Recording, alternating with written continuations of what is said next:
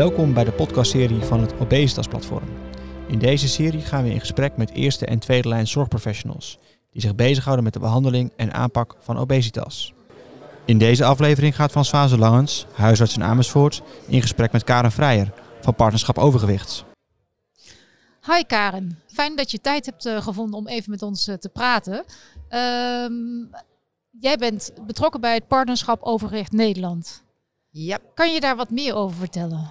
Ja, het Partnerschap Overgewicht Nederland is een uh, koepelorganisatie van verschillende beroepsverenigingen, um, maar ook van Zorgverzekeraars Nederland, Vereniging voor Patiënten en door patiënten. En zo hebben we 17 pondpartners.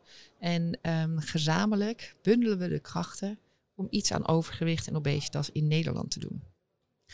En sinds wanneer bestaan jullie? Ja, dat is al een hele tijd terug. Sinds 2016 uh, bestaat het al. Het is informeel opgezet. Um, het samenkomen van we zetten gezamenlijk zijn we bezig om iets aan obesitas te doen. Dus waarom niet onze krachten bundelen? En zo is het gegroeid. En nu hebben we inmiddels 17 uh, pondpartners. En we hopen te blijven groeien. Want er zijn zoveel zaken die nog moeten gebeuren. En ja. met elkaar één stem maken kan je veel meer bereiken. Nou, dat is uh, heel mooi gezegd. Uh, volgens mij hebben jullie best wel iets belangrijks uh, bereikt hè, deze dagen. Ja, we, we, zijn met veel opdrachten vanuit het Nationaal Preventieakkoord bezig. En het bestaat uit de herziening van de richtlijn en de zorgstandaard. En dat wordt dan een ook weer overkoepelende richtlijn waarin de zorgstandaard zit. Voor zowel de aanpak en diagnose bij kinderen en volwassenen met overgewicht en obesitas. Dus daar zijn we heel blij mee. Eind dit jaar wordt dat opgeleverd. En de andere is dat wij um, een nationaal landelijk basismodel aan het ontwikkelen zijn voor een netwerkaanpak overgewicht obesitas bij volwassenen. Kinderen is er al, die is in 2018 opgeleverd. En wij zijn nu bezig om dat, nou ja, niet echt vertalen, maar het wel beschikbaar te maken ook voor wat komt erbij kijken bij volwassenen. En als derde zorgen we ook ervoor dat er meer aandacht is in het curriculum van zorgopleidingen over overgewicht en obesitas. Nou, dat zijn heel wat uh, zaken.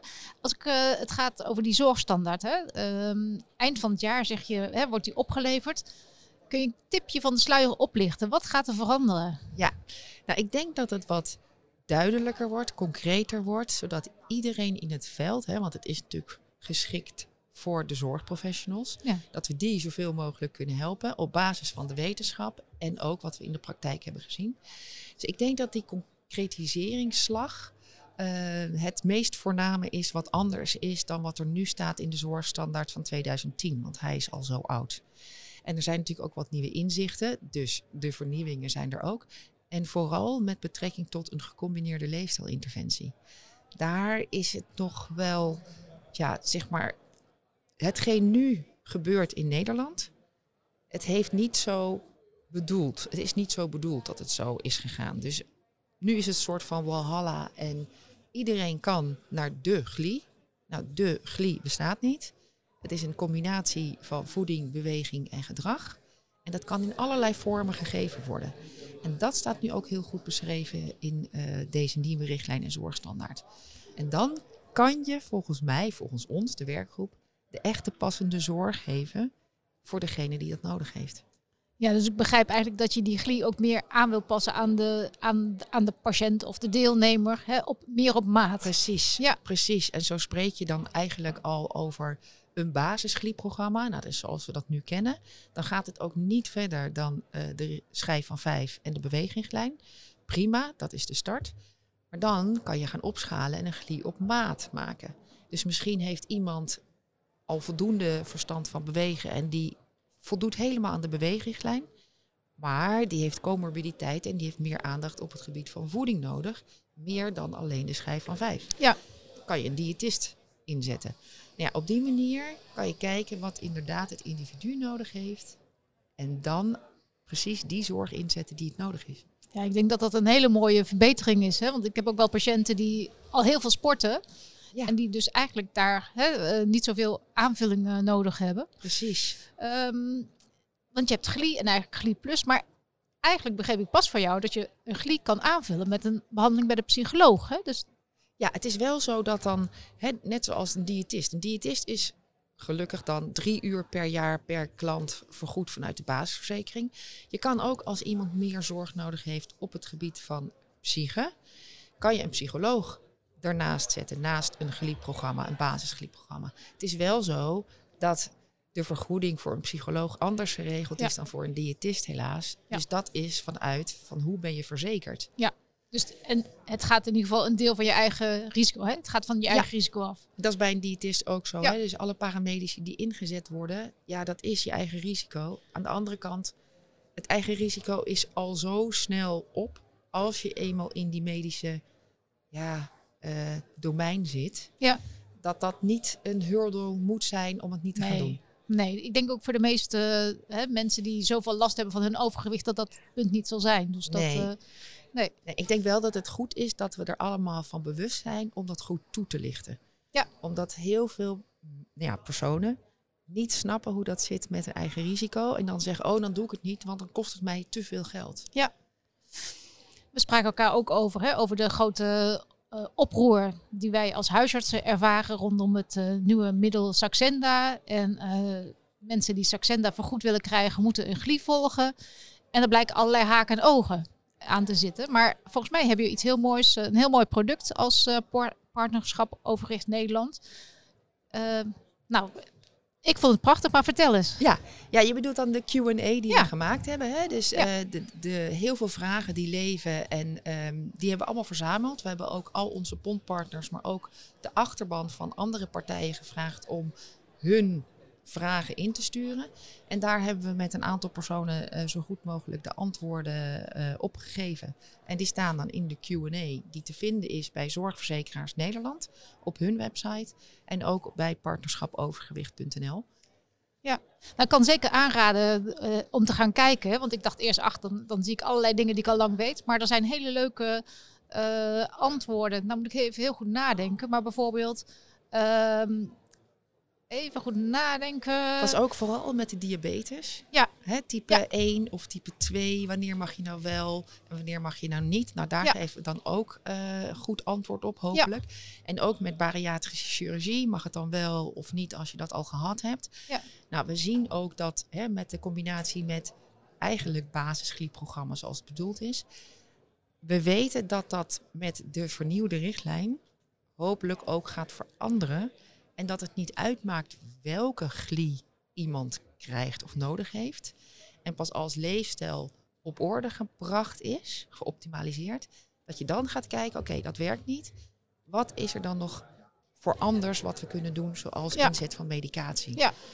En het is niet zo van, nou, je moet een gliepprogramma volgen en pas dan, als je het volgt, ook al doe je er niks voor, het maakt niet uit, dan ga je dat medicijn ja. krijgen. Nee, zo werkt Nee, dat is een beetje de zorg hè? Bij, bij huisartsen en bij allerlei aanbieders van de, de GLI. Die zijn bang dat mensen hè, beginnen met uh, de medicatie en als het niet goed bevalt, dat ze uit de groep stappen. En dat is natuurlijk heel vervelend voor de groep, maar ook voor de aanbieder van de GLI. Ja, ja, Dus, dus nogmaals ook weer met die nieuwe richtlijn zorgstandaard, dat we echt die passende zorg krijgen. Ja. En dat, dat we dan eigenlijk de persoon met overgewicht, obesitas echt goed kunnen bedienen en helpen op hetgeen zij nodig hebben. Mooi.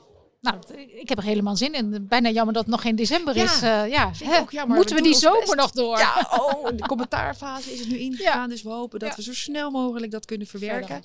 Want ik, ik denk echt dat we daarmee heel wat kunnen verbeteren. Ja, nou, mijn persoonlijke hoop is dat de NRG-standaard uh, gewoon snel gaat verschijnen. Hè? Uh, ja. Uh, ja. Want voor huisartsen is het heel erg belangrijk. Ze zwemmen nu een beetje en weten niet wat ze moeten doen. Ja, dus ja. dat zou heel mooi zijn. Ja, mochten we al maar wat geven, maar dat kan helaas niet. Daar zijn dan ook weer regels voor. Ja, dat is ook te begrijpen. Maar goed.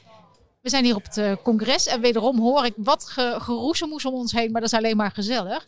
Maar wat heb jij op het congres gehoord dat je denkt, oeh, dat wil ik nog delen met de luisteraars? Ja, een hele belangrijke. En dat is, heeft ook te maken met mijn achtergrond als voedingswetenschapper, voedingskundige. Um, dat het bij overgewicht en obesitas echt gaat om dat vetorgaan dat ziek is. En bij gewichtsverlies kan je ook spiermassa verliezen. En dat is iets wat je niet wil. Dus we willen graag dat dat vet dat die vetmassa reduceert. Ja. Nou, er wordt soms niet goed nog over nagedacht en bekeken. En dan hebben we het alleen maar over gewichtsverlies. Dus heel belangrijk, wat hier ook in een lezing werd gegeven door de chair, de president van ESPEN. Dat is een Society for uh, Clinical Nutrition. Dat ook de voedingstoestand heel belangrijk is en uh, de spiermassa heel belangrijk is. En dat we dat goed moeten onderscheiden. En ook dat weer, kan ik een tipje van de sluier oplichten. In de richtlijn hebben wij dat ook opgenomen op die wijze. Het is niet alleen gewichtsverlies. Dat zegt eigenlijk niks.